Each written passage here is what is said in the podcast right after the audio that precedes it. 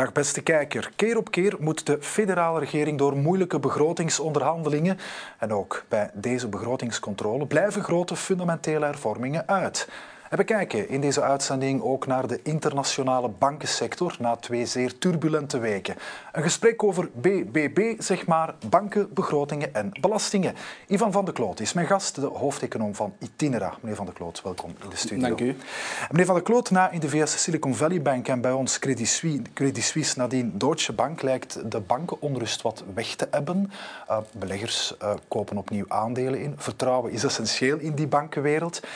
Is dit een bankencrisis of slechts wat bankentumult? Wel, ik noem het een storm uh, die opgestoken was.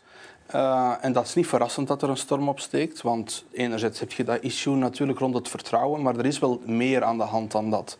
Er zijn echt diepe fouten in een aantal banken aangetoond. Hè, bij eh, Silicon Valley Bank. Ja. Dat was echt een probleembank. Die had eigenlijk niet mogen functioneren op de manier hoe het die bestaat. Uh, de toezichthouder, uh, de Engelse toezichthouder heeft daar eigenlijk al jaren over gewaarschuwd dat die bank on, on, ontspoord was. Uh, men heeft daar dus ook veel te laat op ingegrepen en dergelijke. Dus dat stelt allemaal uh, grote vragen dat dat toch vandaag aan het 2023 opnieuw nu, kan gebeuren. Veel vragen over die bank, maar dat is net ook het positieve. We spreken over particulier specifiek een bank die te veel risico's nam, te weinig buffers had. Dit is geen systemische crisis die we zagen Trouwens, goed, natuurlijk ook bij Silicon Valley Bank en consorten, hè, dus ja. bij die banken. En, en ten tweede moeten we toch zeggen, op dit moment zijn er meerdere grote banken die een balans hebben van meer dan 1000 miljard, die op dit moment nog maar op de markt gewaardeerd zijn voor elke enkele miljarden. Dus iemand die dan denkt dat er normale omgeving is, stabiele omgeving, die is eraan voor de moeite hoor. Dus dit is geen omgeving waar we op onze beide oren kunnen slapen. Dus ja, de storm kan misschien tijdelijk terug gaan liggen, maar we moeten echt dat vraagstuk van die financiële stabiliteit uh, recht in de ogen kijken en aanpakken. En natuurlijk zijn er een aantal basis-issues. Er is bijvoorbeeld de te lage renteomgeving van de voorbije jaren. Die hebben enorm veel risico's gecreëerd. Um, en we hebben ook een aantal openstaande werven die we van de vorige bankcrisis nooit hebben opgelost. Ja. Zoals te grote banken. Wat doe je een kleine bank? Dat is eigenlijk een succesverhaal. Hè? Silicon Valley die loopt tegen de lamp dan is dat een succes dat je die bank kan liquideren op een geordende wijze. Je Ja, zet de spaarboekjes je kan over het, uh, naar een andere instelling en je verkoopt de inboedel en het systeem draait voort. Dat is een succes en dat, eigenlijk hoort dat erbij. Want wat we zien is, uh, dan bekijk ik het weer optimistisch, maar is dat het systeem zichzelf uitzuivert. Centrale banken en regulatoren Als, als, zijn als het snel... dat deel van het verhaal is, van we, we halen er een zieke uit, een Ja. zieke bank uit en we sluiten ze en het systeem draait voort, dan ben ik inderdaad tevreden. Dan heeft het gewerkt zoals het hoort te werken. Over maar die- wat we dan wel zien is, het, is als dat ik- men- is het uh, ja. wat, wat Filip Gijsels uh, van BNP Paribas in de studio zei, wanneer um, de geldzee gaat zakken, zich terugtrekt, Ja. dan zie je wie geen zwembroek aan had. Dus de een uitspraak van Warren Buffett.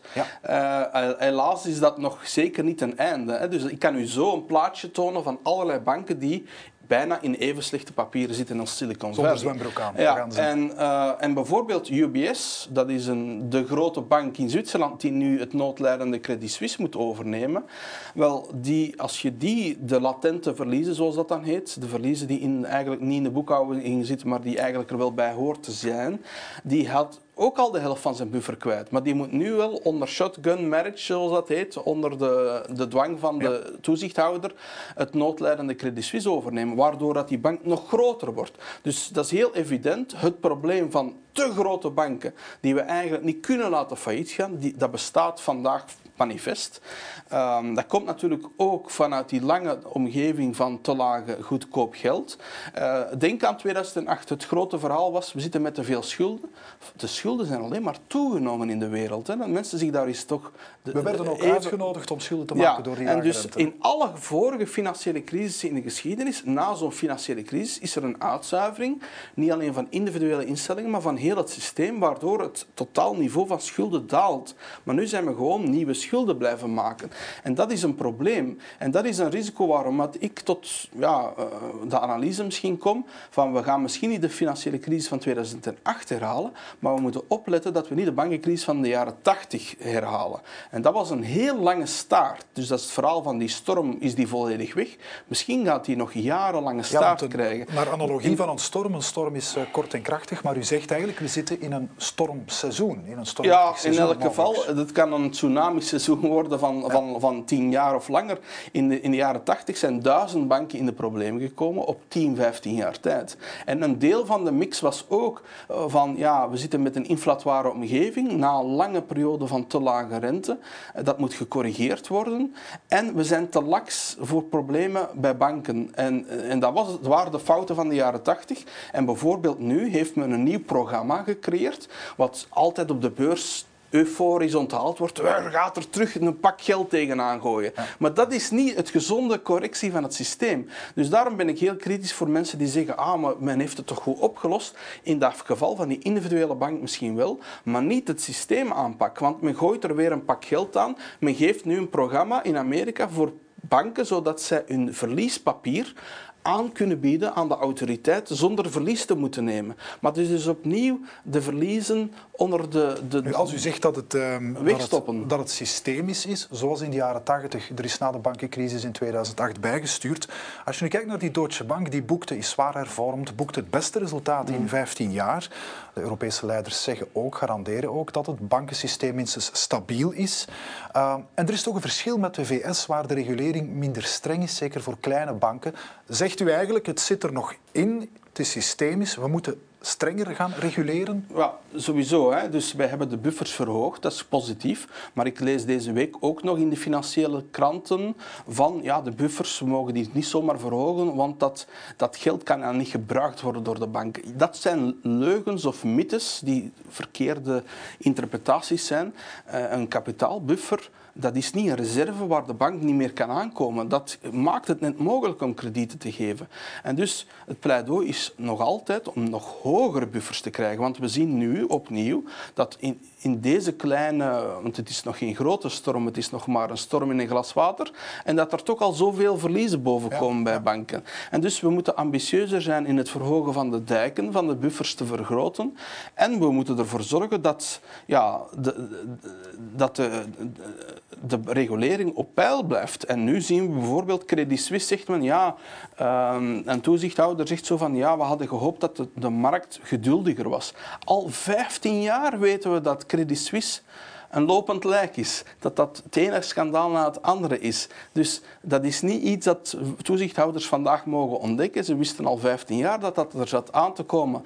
En dan is het toch een beetje een zwakte bot van, ja, we lossen dat op door een andere grootte die eigenlijk ook al te groot is, die nooit bij op te slorpen. Dus de belegger die had dat uh, al lang in het, uh, in het snotje en die laat zich en niks dus, maken. Het is echt verkeerd, en dat zijn heel veel gelijkaardige verhalen in 2008, van het gaat enkel maar over vertrouwen. Nee, er zitten echte structureel problemen in de gezondheid van bepaalde banken en we moeten die uh, head-on, recht in de ogen aanpakken.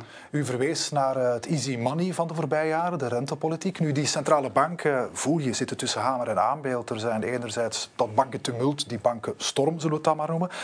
Anderzijds lijken ze wel uh, moedig koers te houden. 50 basispunten verhoging door de ECB deze week. Uh, de Fed 25 basispunten. Ze zitten op koers. Zitten ze daarmee ook op de juiste weg nu?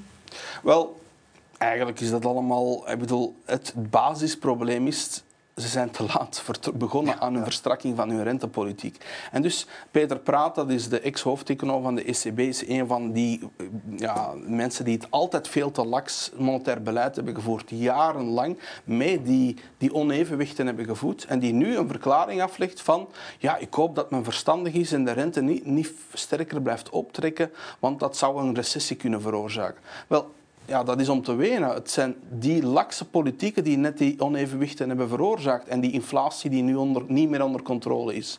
En dus, kan je het zonder, want inderdaad, het doembeeld van de recessie, maar misschien moet het wel met de bloeds en de buil, moeten we daar even door? Ja, in elk geval moet je zorgen dat je systeem stabiel is uh, en dat je daar doel wat nodig is en uh, dat je niet gegijzeld wordt. En dat is natuurlijk voor de banken al een stuk. Hè, worden gegijzeld van we mogen niet de inflatie voldoende bestrijden, want anders komen de banken in probleem. Daar kan toch niemand tevreden mee zijn. Dat geeft toch een beeld over, is dat nu echt die financiële stabiliteit waar men dan over predikt? Maar anderzijds gaat dat natuurlijk ook over zoiets als de muntunie. De vraag van, in Amerika heeft de centrale bank het gemakkelijker. Ze, kunnen dat inflatiebeest recht aanpakken. Maar hier zit je dan onmiddellijk met alle uh, tweede agenda's van ja, maar als de rente te sterk stijgt, dan komt Italië in de problemen met zijn staatsschuld en, en Frankrijk. En, en dus die muntunie, die blijft een probleem. Die zorgt ervoor dat ons monetair beleid vaak niet gepast is. Het is ofwel te strak voor een Zuid-Europees land, ofwel veel te laks voor een land als Duitsland, waar dan allerlei excessen ontstaan. Ja, ik wil met u naar uh, ons eigen land, de begroting. We hebben weken van begrotingscontrole achter de rug. Het lijkt een evergreen met drie zekerheden in onze politiek. Dat duurt altijd lang. Er is altijd een tekort en de PS zegt meestal nee tegen hervormingen. Dat was nu in deze niet anders. Uh, hoe kijkt u naar het resultaat van die lange onderhandeling? En voor de duidelijkheid, dit is geen begrotingsopmaken. Dit is een begrotingscontrole. Dus eigenlijk izdadan marginaal fenomeen. Men zoekt, hè, we hebben eigenlijk een, een, begrotingstekort van 27 miljard euro, hè, 5% van ons nationaal inkomen. En men is eigenlijk op dit moment aan het discussiëren over ingrepen van 0,15% van het nationaal inkomen. Dus van enkele honderden miljoenen. Ja, nominaal dus, kan dat veel klinken voor iemand. Wie kan het 300, 400 miljoen, maar we spreken over bedragen in etterlijk in Ja, en dan zie je natuurlijk de uitdaging is veel groter. En, dus, en als men daar al niet in slaagt, dat zegt dat dan heel veel over de toestand van de politiek op dit moment. We moeten beseffen dat bij uh, ongewijzigd beleid stevenen we volgens het planbureau en het monitoringcomité uh, in 2028 af op een tekort van 37 miljard euro. Dus dat is 10% van ons nationaal inkomen. Dan komen we echt wel in het vizier van de financiële markten. De ratingagentschappen beginnen zich al te roeren. En, en, en dat is inderdaad een van de elementen van deze context, dat men zegt, ja, we moeten een signaal geven. Maar of men nu met die 0,15% zo'n krachtig signaal gaat geven. Maar moet vooral beseffen, de Belgische staat in al zijn geledingen is eigenlijk ja, een, een, beest dat niet meer onder controle is. De politiek heeft er heel weinig handvaten nog op. En er zijn diepgaande hervormingen die daarvoor nodig zijn. En, en dat doe je dus niet op een weekend tijd. En dat wat, zijn, wat hervormingen betreft ja, was de PS demandeur er. Illustratief was, en dat was aan begin deze week, dat uh, premier De Croo keek naar de piste om de laatste verhoging van de minimumpensioenen tegen te houden. De redenering was ja, met deze royale indexering um, is dat eigenlijk al opgetrokken. En de PS wierp ook op, ja, extra besparingen zijn niet nodig, want kijk eens aan, de schuldgraad die we nu inschatten zit op 106 procent. In december lagen de ramingen nog op 120 procent tegen 2028. Het viel al bij al wel mee, besparen was niet nodig, had de PS ja, een punt. dat zijn allemaal korte termijn uh, discussies, want ja, men maakt een inschatting over de inflatie en dan ligt die iets lager dan men had verwacht. Dat schiet ook en alle dat, kanten En dat uit, schiet dat dan in alle kanten, maar het vizier op de lange termijn is wat het is. Als we niet bijsturen, kan je zo uitrekenen, maar het IMF en het monitoringcomité rekent het ook voor, dan gaan we naar schuldniveaus in dit land van 150% van het nationaal inkomen. En dus gewoon de renteuitgaven, dat is wel heel simpel om te begrijpen. Je hebt een begroting en als de rentelasten toenemen, dan moet je dat geld elders op je begroting gaan zoeken. En vandaag zijn de renteuitgaven 7 miljard en die gaan zomaar stijgen op enkele jaren tijd naar 14 miljard. Dus dat zijn hele departementen bij de overheid je die, die je zou moeten schrappen om die rente te kunnen betalen. Dat is vijf keer het budget van ja. justitie. Ja, en dus ga maar eens vijf keer het departement justitie zoeken om te schrappen om die rente te kunnen betalen. Dat zijn echt de dingen waar we voor staan. En dan moet je beseffen dat we hebben, en dat is een kwestie van de volgende regering, hè, laten we niemand blaasjeswijs maken, dat los je niet op op enkele maanden tijd. Dan moet je beseffen, we, we kunnen allemaal heel hard roepen over de diagnose, dit zijn de cijfers, maar dan moet je een plan hebben, wat gaan we eraan doen? En dan weet je dat dat een plan zal zijn, dat moet uitgerold worden. En dat is een fase van vijf jaar waarin je hopelijk de dingen echt in beweging kan brengen. Maar dat gaat meerdere legislaturen duren om die overheid onder controle te brengen en gezond te maken. Het is momenteel natuurlijk dat we ja, weldra een jaar zitten voor de verkiezingen. Deze regering is ook een bonte coalitie begonnen, ja. eigenlijk als een coronacrisiskabinet.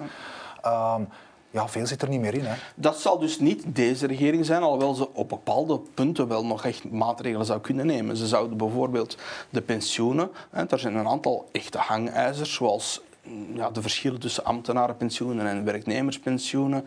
Het feit dat er niet onvoldoende een bonus-malus is, waar je echt de, de, de, de meter van de kilometerteller van de auto gebruikt in plaats van de leeftijd van de auto.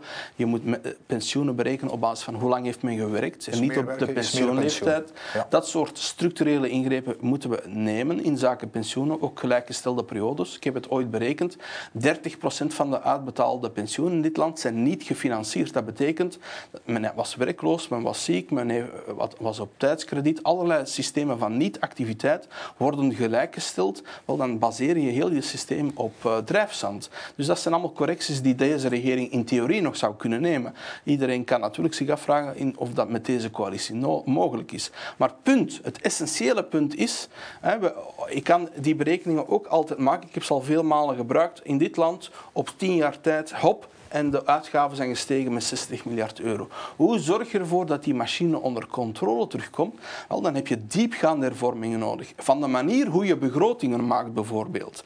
En ik ga misschien hè, Mag ik nog vergelijken... even, voor we naar eh, die Ja. manier van begrotingen maken, want u heeft daar ook eh, werk voor Ja. verricht voor de, Ja. voor de Vlaamse regering.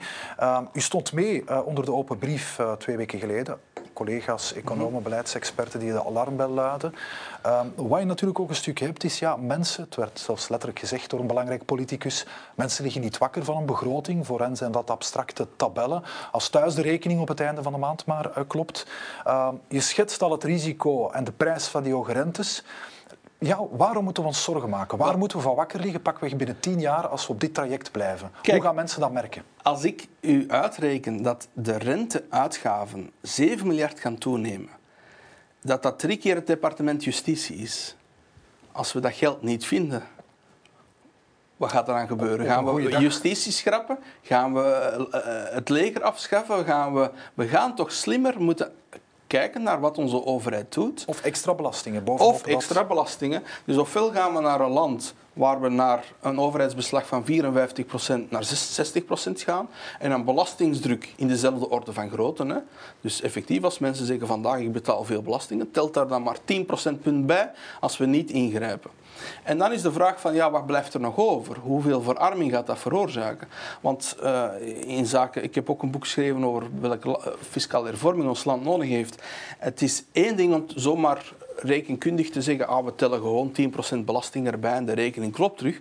De vraag is, welke gedragseffecten gaat dat veroorzaken? Gaan mensen nog even hard willen werken? Ja. Nog willen ondernemen? Wel, gaan we nog een welvarend land zijn? En dus, we moeten de dingen, hè, want vaak wordt het dan geschetst van, ja, dat is hardvochtig. Nee, we willen toch dingen doen zodat we niet dat we onze welvaartsstaat in stand kunnen houden. We willen toch die pensioenen kunnen blijven betalen. We willen toch de dingen die we belangrijk vinden, gezondheidszorg en dergelijke, kunnen blijven garanderen. Wel, dat kan alleen als we die rekeningen op orde zetten. En dus dat is de begroting. De begroting is eigenlijk het meest eenvoudige instrument om te zien of een land goed bestuurd wordt of niet goed bestuurd Want in uw, eh, ook in die open brief, ehm, ja, daar, daar ademt de urgentie uit. Jullie zeggen ook letterlijk, dit is de laatste kans. Tegelijk kan je de burger niet kwalijk nemen die van god, al sinds de jaren 70 zitten we begrotingstekorten. Het was even in de plus eind jaren 90, begin jaren 2000. Ehm, ja, het is er altijd geweest, het zal er ook altijd zijn. En uiteindelijk de begroting, dat zijn wij allen die gezamenlijk op de poef leven. Maar tot nader order zijn er pensioenen, goede sociale zekerheid, noem maar op. Het laat op den duur misschien mensen wat ja, onverschillig. Ja, en dan is de vraag, gaan we eerst recht die in de muur? Gaan we eerst het totaal eh, per totaal nodig hebben? Of gaan, we, gaan of het, gaan we eh, voldoende kunnen anticiperen? En ik moet dat ook uitleggen aan mijn student economie. Van wat jullie nu gaan meemaken is iets wat al 30 jaar niet meer is gebeurd. We komen uit een periode van 30 jaar waar de politiek tussen aanhalingstekens gemakkelijk was. Eh, we beloven alles wat iedereen maar wil. En de rekening sch- schuiven we uit naar de toekomst omdat er die lage rente, lage inflatieomgeving was. Maar nu zitten we terug met een beest dat inflatie heeft. En dus als er nu begrotingen zijn die in het rood lopen, die veroorzaken meer inflatie. Dus dat, ja, dat, dat moeten we dan uitleggen aan economen en studenten economie. Maar dus inflatie, dat komt niet zomaar uit de lucht vallen. Een overheid die op de grote voet leeft, die te veel geld in het systeem pompt, die uh, te veel uitgaven doet tegenover zijn inkomsten, die creëert inflatie. Dus als, mensen voelen dat aan de lijve wat inflatie betekent vandaag. We spreken inflatiecijfers altijd op jaarbasis, maar vergelijk eens uw kosten van uw leven met twee jaar geleden, dan zijn er veel dingen die 20% goed duurder zijn geworden. Dus hoe ver ga je daar nog mee trekken? Je kunt misschien één keer zo'n schok kunnen absorberen van het leven is 20% duurder geworden, maar je blijft dat niet volhouden. Dus we moeten beseffen dat die dingen aan elkaar gekoppeld zijn. Dus in die zin, zoals anders, is de koek op, maar de context is nu heel anders, veel minder We zitten terug in een, inflatie, in een inflatieomgeving en we zullen moeten doen wat nodig is. Nu, dan moeten dan moeilijk, doen wat nodig is, moeilijke politieke keuzes gemaakt worden. U verwees er net naar eh, de pensioenen bijvoorbeeld. Nu, wat je natuurlijk gaat krijgen, is dat een politicus uh, of een regering ja, daar in een impasse zit. Want nu ingrijpen in de pensioenen, dat betekent dat je voor die jonge generatie, uw studenten, minder comfortabele pensioenen creëert. Terwijl deze generatie ja, eigenlijk nog geniet van de pot geld die rijk niet meer is. Nu, dat zijn harde eh, keuzes. Dat is, wel, het is toch iets anders. Je, maakt, je toont dat die jongeren nog een toekomst hebben. Vandaag doe je eigenlijk, zonder het hen te vertellen, après nous le déluge. Ja. We betalen de huidige gepensioneerden nog, maar voor jullie zal er geen geld meer zijn. Maar jullie mogen wel nog bijdragen. Want wij zitten in een systeem waar de vorige generatie leeft bij de, door de bijdrage van de nieuwe generaties. Dus het zijn net de jongeren die het gelak zullen betalen als we pensioenen niet hervormen. En dus net voor hen dat er ingegrepen moet worden. En het is, uh, we zitten in een soort systeem vandaag van groepsegoïsme. Een bepaalde groep die zijn privileges uh, blijft opeisen, ook al zijn ze niet meer houdbaar, ten koste van de nieuwe generaties. En ja, dat kunnen we toch niet anders willen. In wezen is het dan een generatieconflict. Hè, dat, je maar, moet, dat uh... zit er ook al heel lang aan. En, de, en, en een wijze politiek en een wijze bevolking zou ervoor zorgen dat dat niet tot een echt uh, vlammend conflict moet leiden. Dat dat effectief wordt hervormd, zodat dat verzoenbaar is. Maar daarvoor heb je hervormingen nodig. Ja.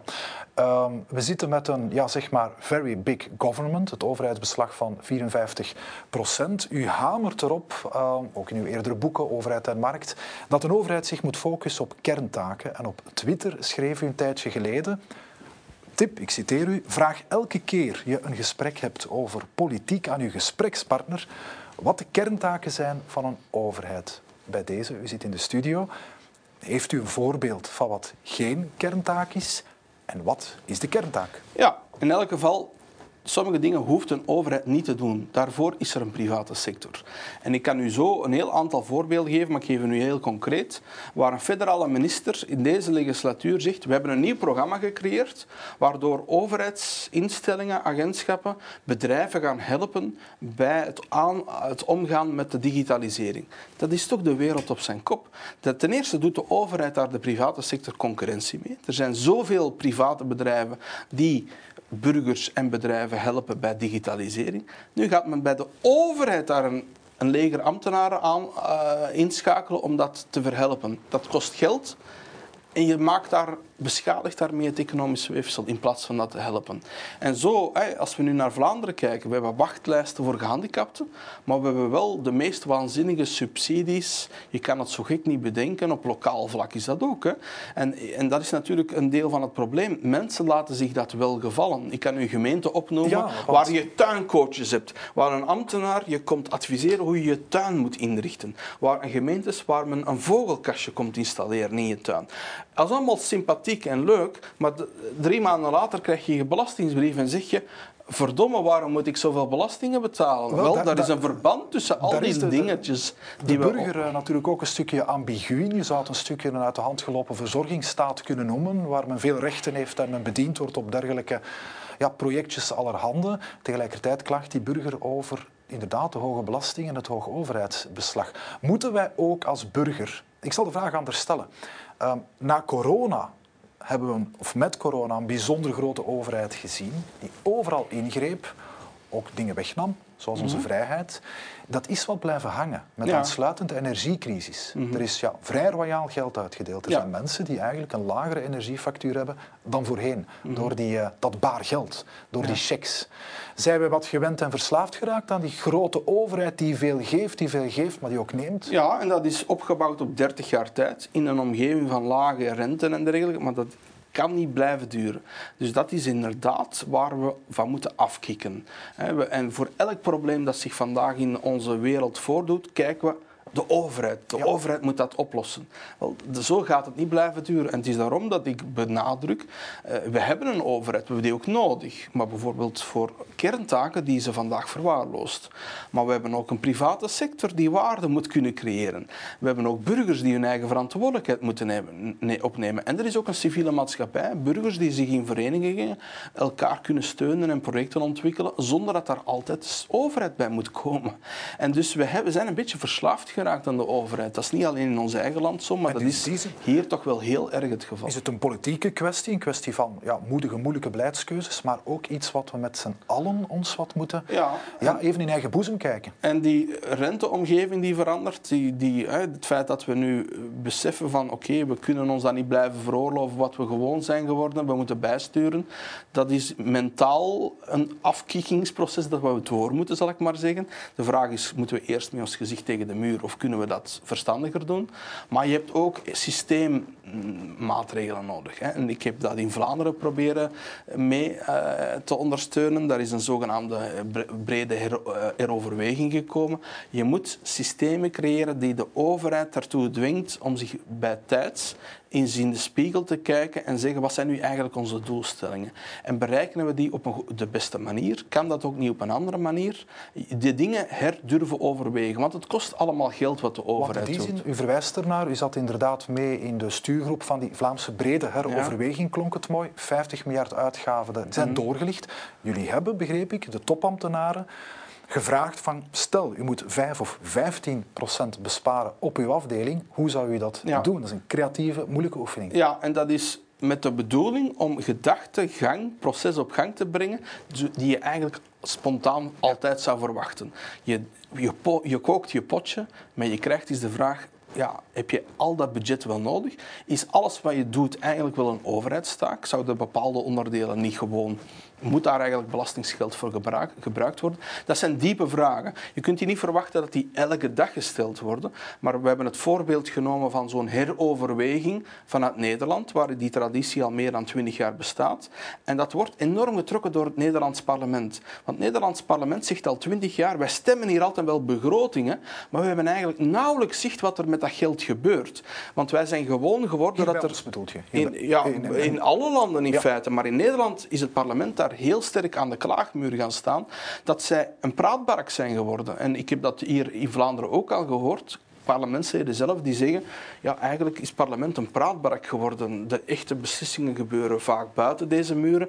En we hebben geen echte goede, diepte inhoudelijke discussies. En waarom is dat? Wel, één van, de elementen is, we focussen zo hard op het maken van de beloftes, de intenties. Van, we gaan dit beleid doen. Maar we gaan heel vaak, heel zelden, het jaar nadien kijken, en wat is daar nu van gerealiseerd? Dus er is een verschil tussen het opmaken van de begroting en na een jaar de verantwoording afleggen. Wat hebben we gerealiseerd? En dat is een cultuur die ik mee wil in stand brengen. Tegelijk, dat gaat een beetje over corporate governance, good governance. Als wij hier, doen we hier vaak in deze studio, naar bedrijven kijken, dan is het altijd uitkijken naar de jaarcijfers. We bekijken die, we lichten die door, we maken de balans en we kijken naar de vooruitzichten. Maar we Ja. beginnen bij de cijfertjes. Ja. En natuurlijk, eh, bij een begroting denkt men dan, en zo is dat ook historisch ontstaan, het opmaken van de tabellen met de inkomsten en de uitgaven. Maar dan weet je eigenlijk nog niks. Want dan weet je enkel, is het geld uitgegeven? Maar je, en, en is er een verschil, eh, zit men in het rood te werken of niet? Maar wat we nodig hebben in een democratie zeker is, maar zijn er doelstellingen gerealiseerd? We ha- Wat was men van plan en hoeveel geld heeft men daaraan uitgegeven en is dat dan ook gebeurd? Of is dat resultaat totaal niet gerealiseerd? Dus en, dan zin- moet, en als dat niet gerealiseerd is, moeten we bijsturen, moeten we het geld elders inzetten. En dat is een evaluatiecultuur en ik weet dat dat heel moeizaam is om zoiets te creëren. In Nederland kan ik alleen maar zeggen, is men er al twintig jaar aan het duwen en trekken. Het parlement zegt elk jaar tegen de regering, ja, jullie komen opnieuw met een begroting, met grote verklaringen, maar we zijn er nog niet. Wij willen meer tastbaar kunnen meten wat er met het geld gebeurt. U kijkt naar Nederland en u haalt het voorbeeld aan, wat we ook zouden moeten doen van de, het klinkt mooi Nederlands, verantwoordingsdag. Wat is dat juist? Wel, bij Tinera, de denktank waar ik hoofdeconom ben, proberen we nu al drie jaar de verantwoordingsdag introduceren, tenminste in Vlaanderen, maar eigenlijk voor heel het land. Waarin, en dat is in Nederland de derde woensdag van mei, waar de minister met een oranje koffertje rondloopt. En dat staat symbool van alle ambtenaren. Iedereen die wordt betaald met belastingsgeld. En daar kan je, als je dat berekent voor ons land, op miljoenen mensen op uitkomen. Dat is meer dan enkel statutaire ambtenaren of zo. Al de mensen die betaald worden met belastingsgeld, rapporteer over uw resultaten. Waar, wat waren de plannen en wat is daarvan terechtgekomen? En waar kunnen we dan het geld beter inzetten? En dat is niet eenvoudig. Dus we hebben dat voor een eerste keer geprobeerd in Vlaanderen. Dat is, niet eh, een- dat is een gemengd succes. Daar zijn sommige zaken goed doorgelicht en men heeft daar ook aanpassingen gedaan. Bijvoorbeeld, we hebben vastgesteld dat de dienstenchecks eigenlijk zo goed werden terugbetaald dat ze niet effectief waren, dat ze niet de tools bereikten dat ze nodig hadden. Dat niet, dat, er zijn andere, betere manieren om die eh, zaken te realiseren. Er zijn eh, allerlei aanpassingen kunnen gebeuren, maar dit is een cultuur die je moet inbouwen. En dat, en dat kan alleen maar gebeuren als het parlement zelf daar de trekker van is. En dat heb ik gemist in deze doorlichting. Maar ik wil nog even terugkomen naar hoe doen we dat bijvoorbeeld op federaal niveau? Wel, daar hadden we de Zweedse coalitie. En daar was de idee van we gaan de overheid laten doorlichten door een auditor. Ook een gelijkaardige Ja. heroverweging. En dat klinkt brengen. sympathiek of dat Ja. klinkt heel eh, krachtdadig. En wat is daarvan terechtgekomen? Wel, de mensen die dat zelf toen eh, probeerden, die geven toe dat is volledig mislukt. En dan komt het verhaal van ja, wij hadden, een, wij hadden gedacht dat we een consultant konden betalen, een auditor, om de overheid door te lichten. Maar er was één partij in die coalitie die de rekening niet wilde betalen en dus niet wilde goedkeuren dat er een consultant werd gebruikt. Nu, dan zakt mijn broek af, want op die manier ga je natuurlijk niks realiseren.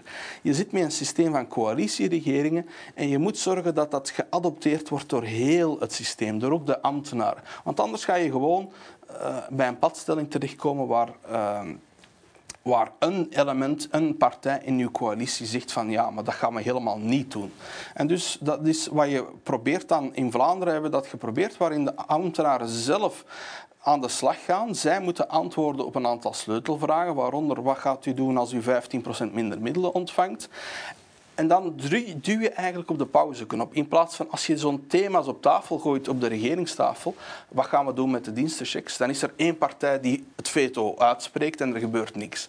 Nu duw je op de pauzeknop en zeg je we gaan dat eerst onderzoeken. We gaan de effectiviteit van die instrumenten beoordelen. En kan dat niet op een andere manier bereikt worden? En en na zoveel maanden dat je, dan rapporteer je, dan leg je de feiten op tafel. Oké, dan is het niet uitgesloten dat die politici op dezelfde manier blijven blokkeren. Maar dat is een instrument volgens mij om de zaken terug in beweging te brengen. Want eigenlijk is een heel belangrijke diagnose voor alle geledingen van de overheden in dit land. Het zit vast. Het werkt niet meer. Men krijgt geen dingen meer nog in beweging. Men komt niet meer tot echte handelingen. We zitten te discussiëren over symbooldossiers of kleine aanpassingen. Maar de echte uitdagingen, daar komt niet meer, men niet meer toe. Ik wil daar eh, met u eh, afronden. U verwijst naar, hè, we zitten, wat u net zegt, 30 jaar leeft die overheid, wij met z'n allen, op eh, de brede, te brede voet. En inderdaad, als je dan voorheen gaat kijken, is er stevig hervormd, stevig doorgepakt. Midden jaren 80 onder Martens, die hadden ook het instrument van de evaluatie, maar ook met Jean-Luc Dehaene om de Europese normen te halen. Sindsdien, die voorbije 30 jaar, zou je kunnen zeggen, is er weinig fundamenteel hervormd. Is dat nu die inzet van straks binnen een jaar verkiezingen, nieuwe regering? Is dat de oproep Ja. in de lijn van jullie brief aan het Ah, beleid? ik, ik, ik, zou, eh, ik zou heel kort nog eens iets zeggen. Ah, We, we pro- proberen dat bijvoorbeeld ook met een fiscale hervorming. Er is een plan van Van Betegem, een eerste fase. En oké, we kunnen daar nu niet in detail in gaan, maar eigenlijk is dat een eerste brok die zou zinvol kunnen zijn. Ja, vriend en vijand waren vrij vriend en vijand, ja, dus, oké, eh, we kunnen daarover altijd eh, een aantal zaken blijven discussiëren, maar het is, er zijn, is een poging te gedaan om een aantal evenwichten te realiseren. Maar dan zeg ik erbij, maar wat we, de echte hervorming zal pas na verkiezingen kunnen. Want dan ga je een soort nieuw mandaat moeten vragen van de kiezer, waarvan je zegt, ja, we gaan echt een nieuwe evenwichten moeten zoeken, we gaan echt de grote eh, hervormingen moeten durven overwegen. En dan, nu zit men nog te discussiëren over een tax shift. We gaan de ene belasting verhogen en de andere verlagen en hopen het zo slimmer te belasten. Maar de- we weten allemaal, de echte effecten die gaan we pas krijgen bij een belastingsverlaging. Maar dan moeten we ook durven ingrijpen in de uitgaven. En dat heb ik geschetst. Daarvoor heb je niet zomaar een, een, een slogan nodig. Daarvoor moet je een plan hebben dat je op vijf jaar uitrolt. En dat kan alleen volgens mij na een mandaat van de kiezer, waar die echt duidelijk op tafel legt. Wij willen dat de overheid hervormd wordt en efficiënter wordt. En als je als kiezer daarvoor een sterk mandaat aflevert, dan kan er voor structureel systematisch ingegrepen worden. Ja, dat is eigenlijk waarschijnlijk nu een van de eerste vooruitblikken op eh, die verkiezingen die binnen Ja. een eh, jaar plaatsvinden. Ivan van der Kloot, hoofdeconoom van Itinera, zeer bedankt voor dit Graag gesprek. gedaan. En u ook, beste kijker, fijn dat u bij ons was. Volgende week zijn we er opnieuw. Dan is collega Francesca van Tielen de gastvrouw. Heel graag tot dan.